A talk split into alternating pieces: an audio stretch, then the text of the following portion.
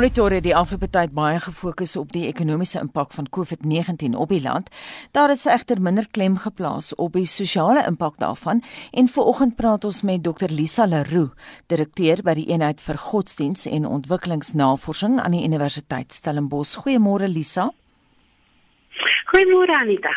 Daar's 'n baie grappe in omloop oor COVID-19. Is humor 'n manier waarop mense 'n bedreiging probeer verwerk?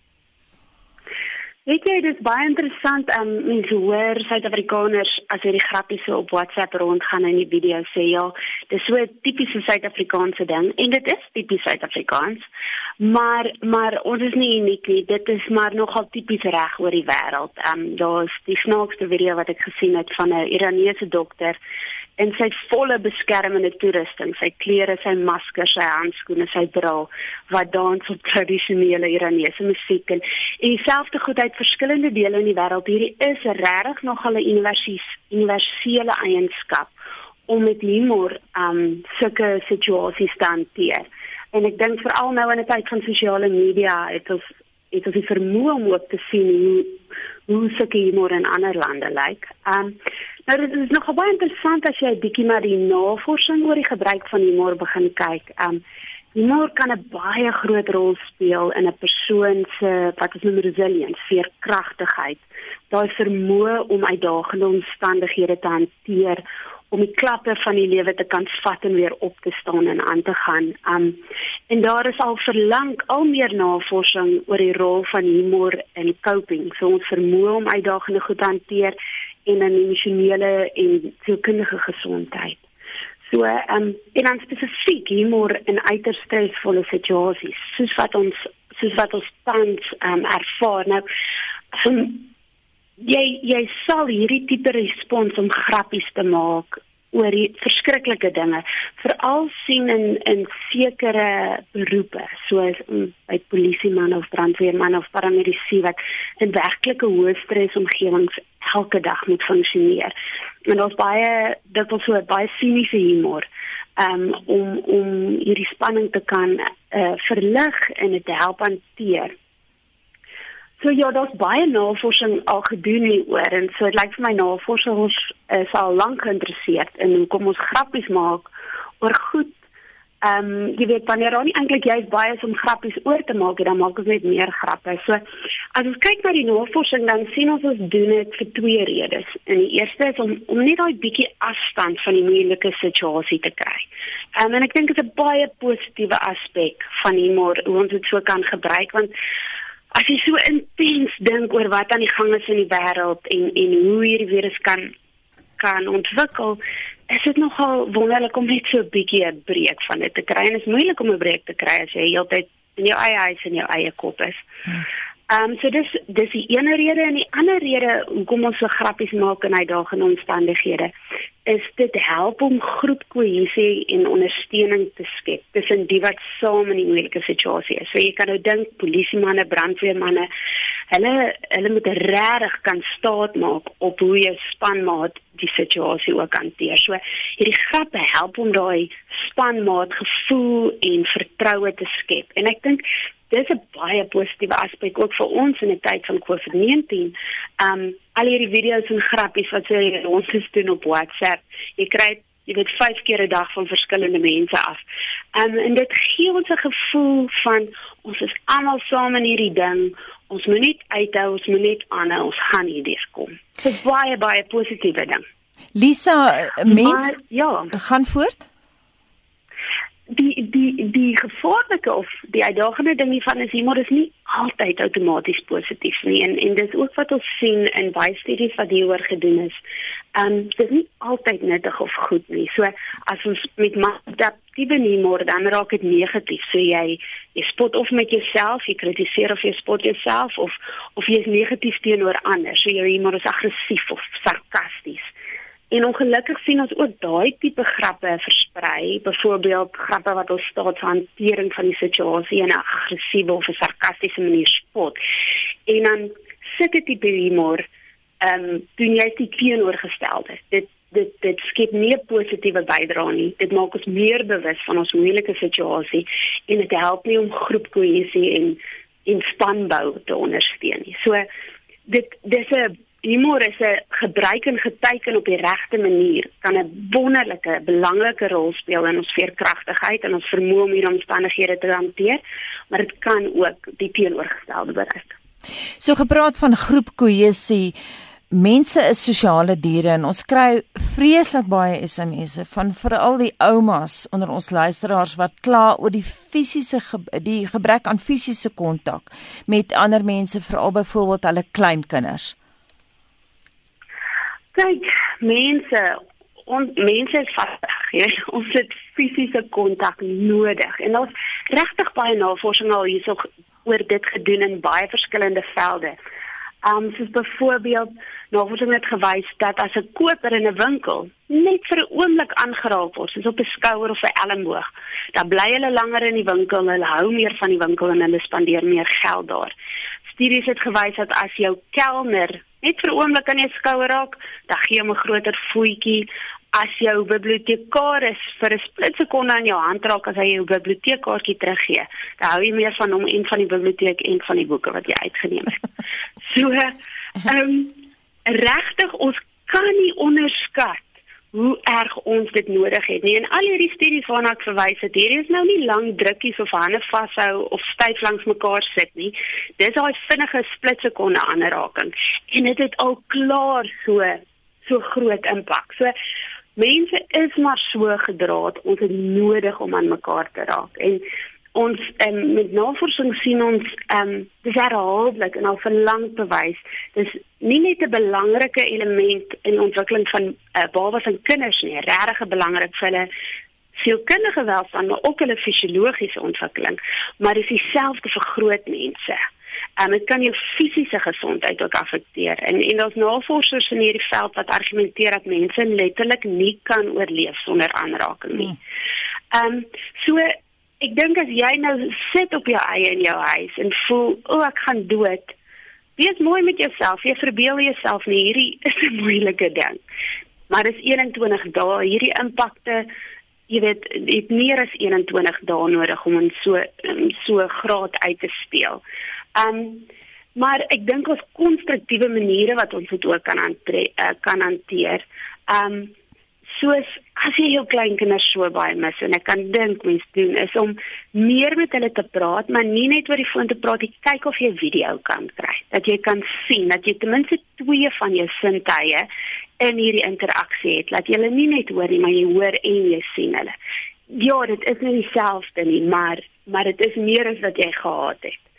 Ehm um, en om ook te dink aan die tyd na die 21 dae, ehm um, selfs al is ons lockdown verby, gaan ons in 'n tyd ingaan wat almal minder aan mekaar gaan raak. So as jy op jou eie bly, om miskien te oorweeg om 'n troeteldier aan te neem, om 'n kat op jou skoot te hê of om jou hondjie te vryf of 'n hamster op te tel. Dis alles maniere wat jy daai aanraking op 'n ander manier kan kry. En ons sien dit in ander lande wat voor hulle lockdown, ehm um, die regering mense wat op hulle eie bly aangemoedig om diere van die DBV in pleegsorg te neem. Juist vir hierdie rede en dan ook vir die diere se welstand. So hierdie is nie jou verbeelding nie aanraking is belangrik, maar ons kan nie deurkom. So gepraat van diere wat uh, aangeneem is by die DBV. Die diere, die troeteldiere ten minste van ons luisteraars in hierdie span hier by Monitor kry vreeslik baie aandag nou want mense is baie meer by die huis. Pa en ma is by die huis, die kinders is daar. Een luisteraar het vir ons geskryf, ek dink was hierdie week gewees, dat uh, hy kan nêrens gaan nie en sy drie honde agtervolg hom oral. So hulle is ook al verstom oor die vreeslike aanhoudende aandag want hulle verwag nie dat mense die hele tyd tuis is nie. Ons is nou besig om 'n bietjie van 'n ander leefstyl aan te kweek en mens moet onthou Lisa dat dit mag dalk wees, ek sê nie dit gaan nie, maar ons mag dalk hierdie tydperk moet verleng na 3 weke. Die Franse ja. is van die Europeërs wat hulle inperkingstydperk verleng het, so dit mag dalk gebeur en mm. ons is nou besig om soort van 'n nuwe leefstyl aan te kweek of hoe? Dit ek dink ons onsaglike potensiaal op 'n individuele vlak. Ehm um, en en en ek wil glo as 'n gemeenskap ook dat ons 'n nuwe manier kan van doen kan aanleer. Dit is baie moeilik as alles soos gewoon aangaan om jou gewoontes te verander. En ek meen ons is ons gewoon, ons normaal is nou heeltemal gestop. Nou, ehm um, ons weet uit uit studies dat dat dit mense eh, dat al mense is wat dit net 18 dae neem om om 'n nuwe gewoonte aan te leer, maar alle mense is verskillend en dit hang ook af wat die nuwe gewoonte is wat jy aan moet leer. Maar ek dink jy ons moet onderskat ook weer die intensiteit van die rekondisionering wat ons binne lockdown er, ervaar nie. Ons wêreld is so klein, um soveel kleiner met soveel minder ander insig daarin dat ek dink daar's ontsaglike potensiaal vir die vir die ontwikkeling van nuwe gewoontes. Om nou 'n simpel voorbeeld te neem, as jy nou 10 keer elke dag self jou koppie wasbak te dra en uitspoel. Beteken dat jy gaan dit ten minste 210 keer doen en dis 'n klomp herhaling wat jou 'n beter kans gee om so 'n nuwe goeie gewoonte in tyd aan te hou. Ehm um, maar om dit nou weier te dink as nou koppies was in jou huis skoon hou. In die veld wil binne ek baie van my werk doen wat uh, is oor geslagsgelykheid en geslagsgeweld en gesinsverhoudinge het ons baie kommer oor hierdie hierdie 21 dae en die spanning wat daarmee saamgaan veral in gesinne waar daar reeds konflik en geweld is. Maar ek dink dis nou 'n saak vir 'n ander gesprek en as mens vandag regtig dink oor die potensiaal vir goeie verandering binne ons verhoudings en ons gesinne en gesinsdinamika met almal daar in die huis, die mooi pa en die kinders en die drie honde. Um ek dink ons het 'n ontsaglike geleentheid om weer te kyk na hoe ons ons verantwoordelikheid en werkies in die huis deel. Ehm um, want nou baie keer vir die eerste keer is mans by die huis en hulle sien nou vir die eerste keer al die werk wat hulle vrou doen wat net by die huis bly. Jy weet om die om die huis aan die gang te hou en die kos te maak en skoon te maak en die kinders happy te hou. So ons kan regtig weer hieroor dink en hoe ons daai take verdeel of as beide die man en die vrou nou van die huis af moet werk en die kinders is in tou ons moet saam planne maak oor hoe om dit te hanteer. Ehm um, so verder 'n geleentheid dink ek om nie te dink oor hoe ons verantwoordelikheid deel in ons gesinne en en om om nuwe gewoontes op te ontwikkel oor kommunikasie dat ons praat oor hierdie dinge en ons kinders deel maak van daai gesprekke en dat hulle ook verantwoordelikheid kry. Ehm um, kinders kan ook beddens opmaak en skorrelgoed was en vloere mop. So om regtig nie te dink hieroor. Um hierdie goed gebeur nie outomaties nie. Net ons in lockdown is gaan almal nie mooier met mekaar wees en beter werk verdeel nie. Maar as ons onsself uitdaag om hieroor te gesels, om weer te dink en om mekaar in ag te neem, dink ek ons regtig potensiaal vir beter gewoontes en verhoudings in ons gesinne. En ons het eintlik nog nooit 'n meer goue geleentheid gehad om werklik hieroor te dink en te gesels en te beplan en uit te voer nie, want ons het so min ander afleidings. Lisa net laastens, wat van nuwe stokperdjies? Jy het nou vroeër verwys na die feit dat ons is besig om nuwe gewoontes te ontwikkel. Almal was hulle hande die heeltyd. Jy praat van die koppies was. Maar as ons nou met kyk na die terugvoer wat ons van ons luisteraars kry, is dit baie duidelik dat baie van ons luisteraars ten minste het gaan legkaarte koop. Hulle half legkaarte weer herontdek. Kyk, stokperdjies is nog altyd deel van mense se coping skills. Dis 'n manier om die uitdagings van die lewe te hanteer. Ons beoefen stokperdjies om weg om wegkom kans te kry van ons alledaagse lewe met sy uitdagings en stressors. So of jy nou modelvliegtuigies bou of hase teel of lees, dis 'n manier hoe ons ons net so uit ons gewone lewe neem. En dit maak ons nou verskriklik baie sin met COVID-19 om net so 'n bietjie 'n blaaskans te kry van daai realiteit. Ehm um, ongelukkig vir baie mense is hulle bestaande stokperdjies nie toeganklik nie, soos nou om ver in te draf of veldblomme af te neem of wat dit nou kan wees. So ek dink dis hoekom ons nou hierso, jy weet, al die legkaarte in die winkels was uitverkoop laaste donderdag um, om om nuwe stokperdjies te ontwikkel om jou besig te hou maar ook jou kop af te lei. Ek is wel bevrees dat daar sommige mense is wat op dag 3 uitgevind het legkaart bou is nou nie eintlik hulle ding nie. en nou gaan sit met 'n stel van 20000 stukke so ek dink daar gaan 'n groot mark na lockdown wees vir ongebruikte legkaarte. Maar ek wil ook glo dat baie mense in hierdie tyd hierdie stokperdjies kan saam met ons gaan in 'n post-COVID tyd. As 'n as 'n positiewe coping skill vir die ander uitdagings wat oor ons pad gaan. So weer eens, ek dink dis ook 'n positiewe ding wat ons uit hierdie hele storie kan bring. Baie dankie en so sê Dr Lisa Leroux, direkteur by die eenheid vir godsdiens en ontwikkelingsnavorsing aan die Universiteit Stellenbosch. Dis nou 25 minute oor 7 in die Pietermaritzburg se Economic Justice and Dignity groep waarsku dat meer klem geplaas moet word op die aankoop van voedsame voedselprodukte in die stryd teen COVID-19.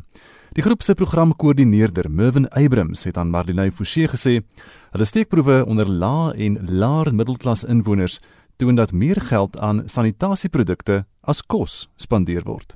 Meer seep word gekoop en veral meer jik in arme en in working class huishoudings. So wat dit beteken is is dat die boodskappe wat ons nou sien op die radio en wat die staat nou vir ons doen om nou die virus te beveg. Mense verstaan daardie boodskappe en die huishoudings probeer hulle bes om nou daaraan iets te doen. Die mense koop veel meer eiers uh, as vorige maand omdat eiers hou veel beter. Ehm um, nou wat gebeur het in die in die verlede is is dat vrouens sal gaan van winkel tot winkel en sien waar hulle nou die goedkoopste iets kan kry. Nou dit word nie meer gedoen nie. So hulle gaan na een winkel doen al hulle inkopies. Hulle wag vir langer in die queues om taksies te neem en so hulle is bang dat die vleis afgaan. So daarom vir proteïene koop hulle liewerste eiers. Die steekproef is gedoen onder die meer vatbare gemeenskappe in Suid-Afrika. Working class So mense wie miskien een persoon in die huis miskien werk en kry 'n national minimum wage, so dit is 3200 rand of mense wat nou ouderdomspensioen of 'n staatstoelaag kry. Dit is eintlik die grootste groep mense as ons kyk na die townships en ons kyk na die informal settlements. Hulle is veral bekommerd oor kinders wat afhanklik was van voedingsskemas by die skool. Daardie kinders is nou natuurlik almal by die huis. Dit plaas groter druk op die huis om genoeg kos te hê want die kinders is nou almal by die huis en natuurlik uh, hulle moet 'n voedsame uh, 'n maaltyd hê. Die groep vra die regering om meer klem te plaas op die bou van 'n sterk immuunstelsel in hulle kommunikasie met lede van die publiek. Almal sê was jou hande en natuurlik dit is dit is belangrik en ons moet dit doen. Almal praat van social distancing, natuurlik is belangrik ons moet dit doen.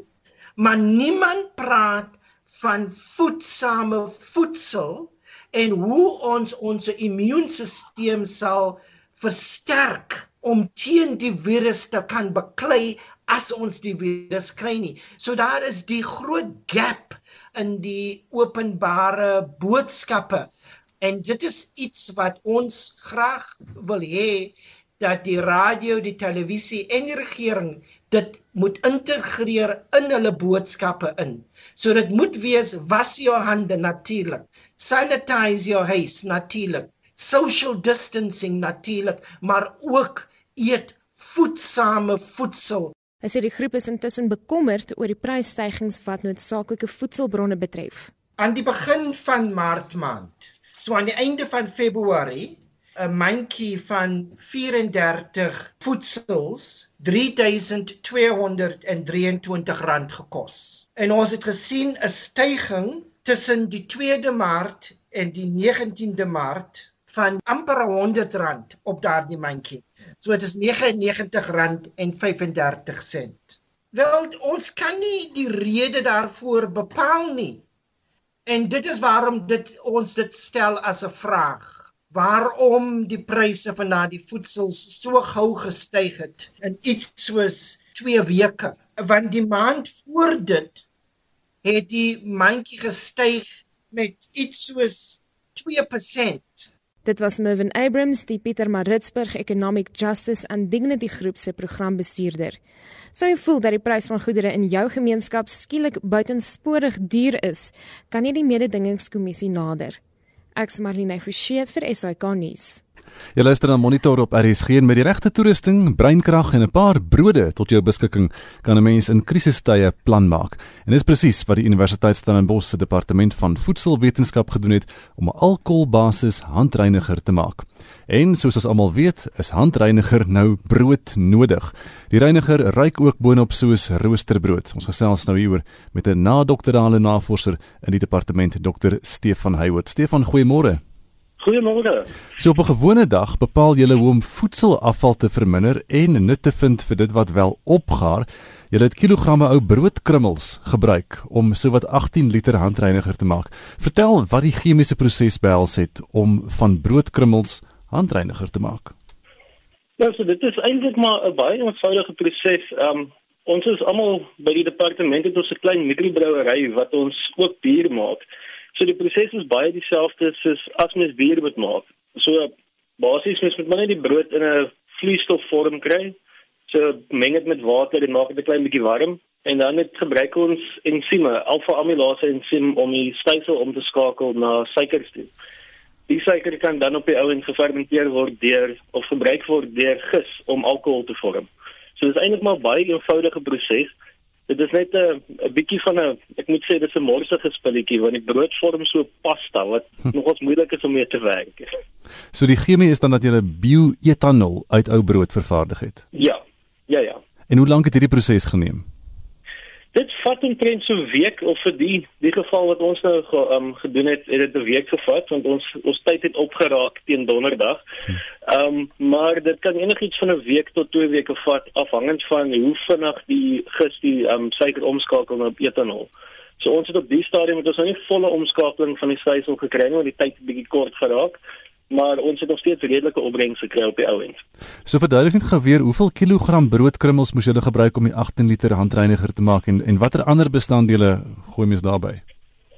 Um, ons het op hierdie vir hierdie proses het ons um 60 kg se brood gebruik en ons het omtrent so 4 of 5 keer het ons uh, moes ons gedistilleer het om op die ou end die 18 liter uit te kry as as iemand dit nou self sou wou doen, ehm um, mens sal moontlik 'n klein bietjie suiker met bysit as die ferment of die omskakeling nie 100% gebeur nie. So anders as brood kan mens 'n klein bietjie suiker bysit, maar regwaar nie veel meer nie.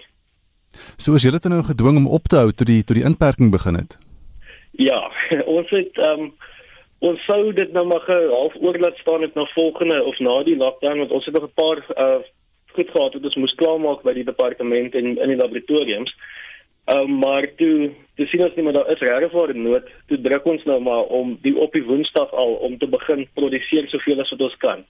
So teen Donderdag het ons 'n mooi klompie handreiniger gehad. En waar het julle dit uh, vir wie het dit gegee?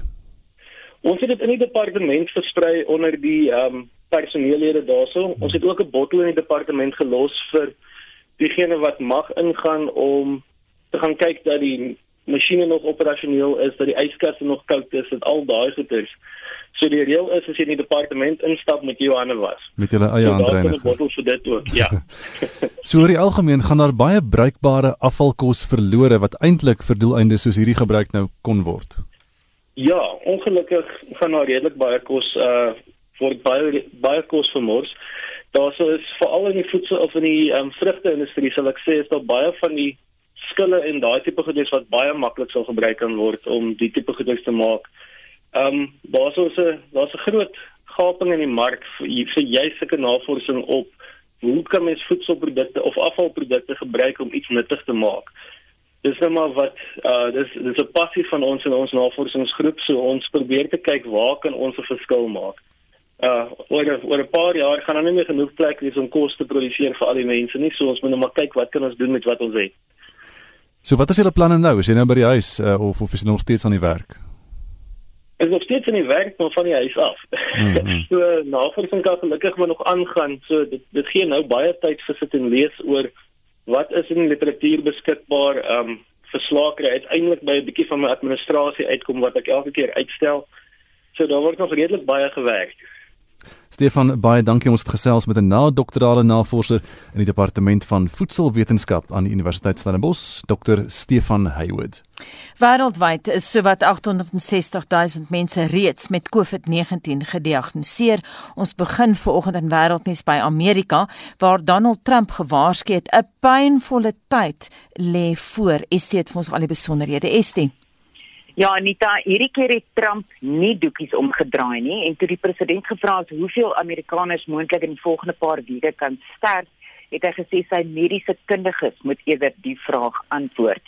Meer as 4000 mense in Amerika het nou weens COVID-19 gesterf volgens die John Hopkins Universiteit. En president Trump het Amerikaners gevra om alle maatreëls te volg en hy het die situasie 'n kwessie van lewe of dood genoem. Amerikaanse amptenare voorspel dat ten minste 100 000 Amerikaners in komende weke aan COVID-19 sal sterf aan die kant. En dan uh, is dit daar's 'n Amerikaanse vlootskip wat tans 'n krisis ervaar en dit het ook te doen met COVID-19. Ja, Anita, dit is die kaptein van 'n Amerikaanse skip wat om hulp roep. Daar is meer as 4000 bemanningslede aan boord van die Theodore Roosevelt en talle het reeds positief getoets vir die koronavirus. Ten minste 100 bemanningslede volgens die San Francisco Chronicle koerant. En die kaptein van die skip het gesê daar is geen rede hoekom mense aan boord van die skip hoef te sterf nie, maar hy het gewaarsku dat die virus baie vinnig versprei en nie beheer kan word nie. En wêreldwyd in ter rig lande nou hospitale in in skepe, stadiums en in parke en gister het meer as 800 mense in Spanje en in Frankryk gesterf en die regering van die Verenigde Koninkryk het gesê daar is 'n baie skerp stygings in bevestigde gevalle.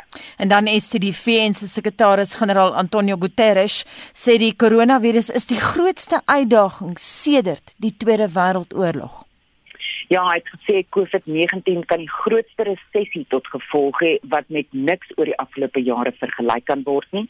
En sowat 3 uit 4 Amerikaners is nou afgesonder volgens hulle maatreëls en in die Verenigde Koninkryk het daar nou 1798 mense aan COVID-19 gesterf en een van die slagoffers was 'n 13-jarige seun wat by die King's Cross Hospital Trust in Londen oorlede is. En in Europa is daar ook 'n duister prentjie in tuise vir bejaardes.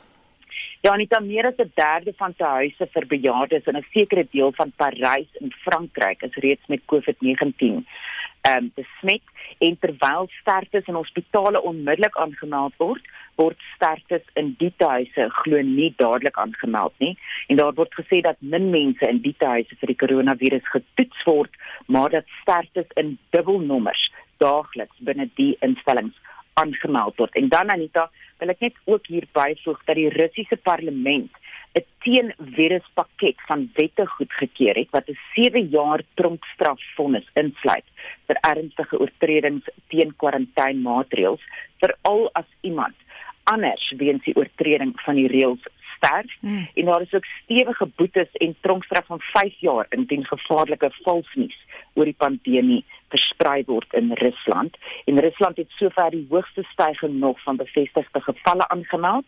Daar is nou sowat 2337 bevestigde gevalle en 17 sterftes en die hoof van die grootste hospitaal in Moskou waar pasiënte behandel word, het ook gister positief getoets Anita. Baie dankie, dit was dan Essie de Klerk met wêreldnuus gebeure. Jy luister na Monitor op RSG en 'n innoverende groep sakelei het byeengekom en Business SA gestig om uit een mond met die regering te praat oor hoe die koronavirus bestuur en uiteindelik bekamp moet word. Monitor het gister met John Purchase van Agribus daaroor gepraat.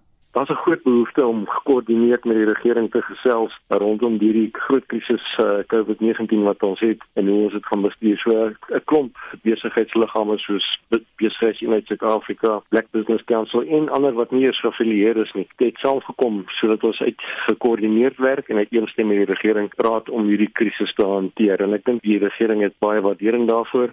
Ons by Agbus is natuurlik lid by Busa, so 'n klomp groot organisasies is almal saamgevat in hierdie besigheid vir SA inisiatief.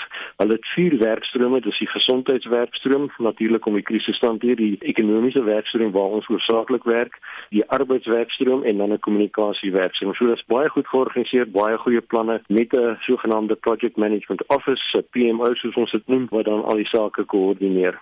Ja, daar is al in die verlede koppe gestamp onder sakelei in terme van julle aanslagte tot probleme en so aan. Is daar 'n gees van samewerking? Eintlik wonderlik. Dit is regtig baie goed om te sien hoe krisismense bymekaar bring en saamsnoer in die proses. En wat is die regering se reaksie op die feit dat julle nou Business for SA gestig het? Ongelooflik tot by die president. Ek was self in gesprekke en in vergaderings met hom gewees en die die leiding wat ons van daai kant maar kry en die welwillendheid wat ons kry vir oplossings is baie goed. Ek dink dis algemene kennis dat die kapasiteit binne die staat is baie beperk en die vermoë van die staat en ek dink hulle kyk baie sterk na die private sektor om ons deur hierdie krisis te kry. Daar's verskillende aspekte tot hierdie krisis natuurlik die gesondheidskrisis uh, wat 'n massiewe ene is en dan natuurlik ook voedselsekuriteit en 'n klomp ander noodsaaklike dienste goed wat ons aan die gang moet hou. Maar hulle leen baie swaar op ons en natuurlik probeer ons samewerking gee. Ons het nou gehoor verlede week dat die Ruperts en die Appenheimers groot bedrag geld geskenk het. Gaan julle ook geld skenk aan die regering? Ja, ek dink daar waar ons kan help, daar's 'n solidariteitsfonds gestig en daar waar daai vermoë is om dit te kan doen van mense die doen. Ek dink mens moet ook besef dat hierdie siekte en hierdie afsluitingsperiode weet jy wat die mooi Afrikaanse woord vir 'n lockdown is nie maar kom ons neem as 'n afsluitingsperiode gaan natuurlik ook ekonomiese druk op baie landboubesighede plaas. So dit is nie asof daar sommer net geld rond lê nie maar daar waar mense kan help doen ons 'n beroep om dit te doen. En dis eintlik ook deel van die die groter beroep wat ons nou wil doen.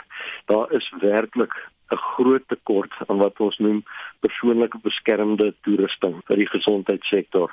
Ons besef dat daar is maatskappye in die landbou maar ook baie wye in besigheid in Suid-Afrika en veral daai maatskappye wat tans in die afsluitperiode toe is wat van hierdie toerusting het en ons praat hierso van maskers en 95 graad of chirurgiese maskers, latex-vrye handskoene, plastiese aprons dan ook gesigsbeskermingsbrille en dis meer oorpakke wat gebruik word vir veiligheid, jou spesiale tipe van skoene, oorskoene, overshoes soos hulle dit noem, wat ook nodig is. En, en ons weet baie van hierdie daar's baie maatskappye wat voorraad het wat tans in hulle pakkamers lê, maar ons het dit dringend nodig vir die gesondheidssektor. Ons het letterlik enkele dae se voorraad nog oor. Mens moet onthou, hierdie is 'n globale krisis wêreldwyd. Ons kan nie sommer net van China af invoer of van Amerika of waar ook al nie. Hulle daar is uh, sogenaamde verbanning van uitvoere van hierdie toerusting omdat die lande dit self nodig het. So daar's 'n wêreldwye tekort ook. Dit het baie duur geword met die rand-dollar wisselkoers. So ons doen 'n ernstige beroep as mense en maatskappye wel sulke toerusting het dat hulle in kontak kom met ons en dat hulle dit beskikbaar stel sodat die gesondheidssektor dit kan gebruik. Die krisis word nog groter en ons moet dit kan hanteer. Waar kan hulle julle kontak? Hulle kan ons kontak, daar's 'n e-posadres, 'n lang e-posadres, maar ek gaan hom lees. Die luisteraars moet asseblief kennis neem, anders gaan ek ook my e-posadres gee wat baie makliker is, dan kan hulle my ook kontak. Maar die een wat amptelik gegee word is COVID-19 supplies at business response covid19.co.za en daar's geen streepie of koppelteken tussen die COVID en 19 nie. So ek gaan hom weer lees. COVID-19 supplies, alles een woord, at business response COVID-19, alles een woord .co.za en geen koppeltekens nie. Dan kan hulle as dit te moeilik is, baie korter een is John J O H N @agbiz a g b i z .co.za. John @agbiz.co.za. En regtig ons doen 'n beroep. Kom ons staan saam as Suid-Afrikaners, kom ons help die gesondheidsdienste om deur hierdie krisis te kom. Net laasens, jy het nog gesê wat julle planne is om te help, maar vir die res van die jaar, ons weet nie hoe lank hierdie virus met ons gaan wees nie. Het julle langtermynplanne om die regering by te staan, John? Ja, absoluut. Dit is korrek om te sê dat hierdie ding is 'n langtermyn saak met ons. Dit is noodsaaklik om die sogenaamde kurwe platter te kry, maar as jy die kurwe platter kry, dan hou hy op langer saam met jou. So die gedagte is en Mr. William Kiesie het gesê dat die piek waarskynlik ons eers in Junie, Julie gaan bereik as dit in die wintermaande is en dan sal hy afneem na Oktober, November se kant toe. Hy gaan met ons wees wat ons wel dink kan gebeur as die 21 dae periode goed werk en as klaar aanleidings laat dit begin werk, dan kan ons stelselmatig verslapping kry van maatreëls van die drakoniese maatreëls wat ons nou het, maar natuurlik sal sogenaamde social distancing en, en maatreëls soos ander was en sanitasie en toetsing definitief ons voorland bly wil ek amper sê vir die res van die jaar. Werk julle saam met die mediese sektor ook of werk julle deur die regering? Ja, ons werk baie nou saam met die mediese sektor. Hulle is deel van hierdie inisiatief en teen hulle lei die hoofgroep. So jy groot mediese maatskappye, Discovery, Lifecare en die Smeernetcare is almal deel van 'n ongelooflike poging om hierdie siekte te beheer en te beperk so ver as moontlik. So die samewerking met die hele mediese sektor is eintlik ongelooflik goed. En dit was dan John Purchase wat gister met Monitor gepraat het namens die nuutgestigte Business SA. Ons bly by corona, ons kyk nou weer na internasionale gebeure. Griekeland sit te midde van die koronavirus met nuwe vlugtelinge wat gehuisves moet word onder omstandighede wat selfs normaalweg vir die owerheid probleme veroorsaak. Monitor het gister met Efakosse in Athene gepraat. We have 2000 uh, newly arrived asylum seekers and migrants, among them many families, pregnant women, people with disabilities, older people, who have found themselves detained in two newly established detention camps on the mainland. Then you have the situation of the asylum seekers who were already in Greece and who were trapped in horrifying conditions in camps on the islands. Boonop kla Human Rights Watch dat die Griekse regering COVID-19 as verskoning gebruik oor die algehele gebrek aan behoorlike beplanning. We have uh, two situations actually in Greece with asylum seekers and COVID. We have what is happening to new arrivals. After March 1st, the government has suspended access to asylum. And they are using as an excuse COVID 19 to detain people in unsanitary, cramped conditions without giving them access to any kind of prevention measures for COVID 19. But they're using as an excuse COVID 19 to detain them. So byvoorbeeld is daar tans nie minder nie as 20000 vlugtelinge op die eiland Lesbos waar die kamp 'n kapasiteit van slegs 3000 het. Boonop is die omstandighede waaronder die vlugtelinge hulle bevind haagliker as normaalweg die geval sou wees. They don't have access to the basic water, you know, proper sanitation, let alone being able to exercise social distancing, wash their hands, etc. And the government as a measure to prevent COVID-19 has said that these camps are now under lockdown. What we're saying is that the government needs to immediately transfer people from these overcrowded camps to smaller facilities so that appropriate measures against COVID-19 can be taken. 10 mense per tent in plaas van die voorgeskrewe 5 is 'n algemene gesig en almal woon deurmekaar. According to international standards, there need to be separate facilities for single women, for example. There needs to be uh, separate accessible facilities for people with disabilities. There needs to be separate facilities for unaccompanied kids, and this is not respected. Toestande in die kampe is oral sleg, van die Malakassa kamp 20 km noord van Athene tot heel noord in Griekeland. Die owerheid sukkel eenvoudig om vlugtelinge behoorlik te huisves.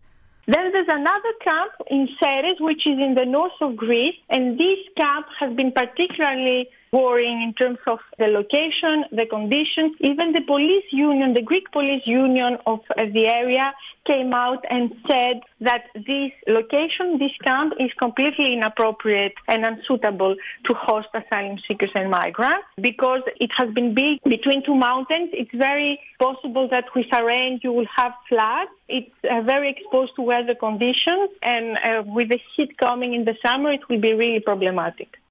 Onder die omstandighede kry die vlugtelinge ook nie altyd aandag selfs in die geval van 'n ernstige mediese nood nie.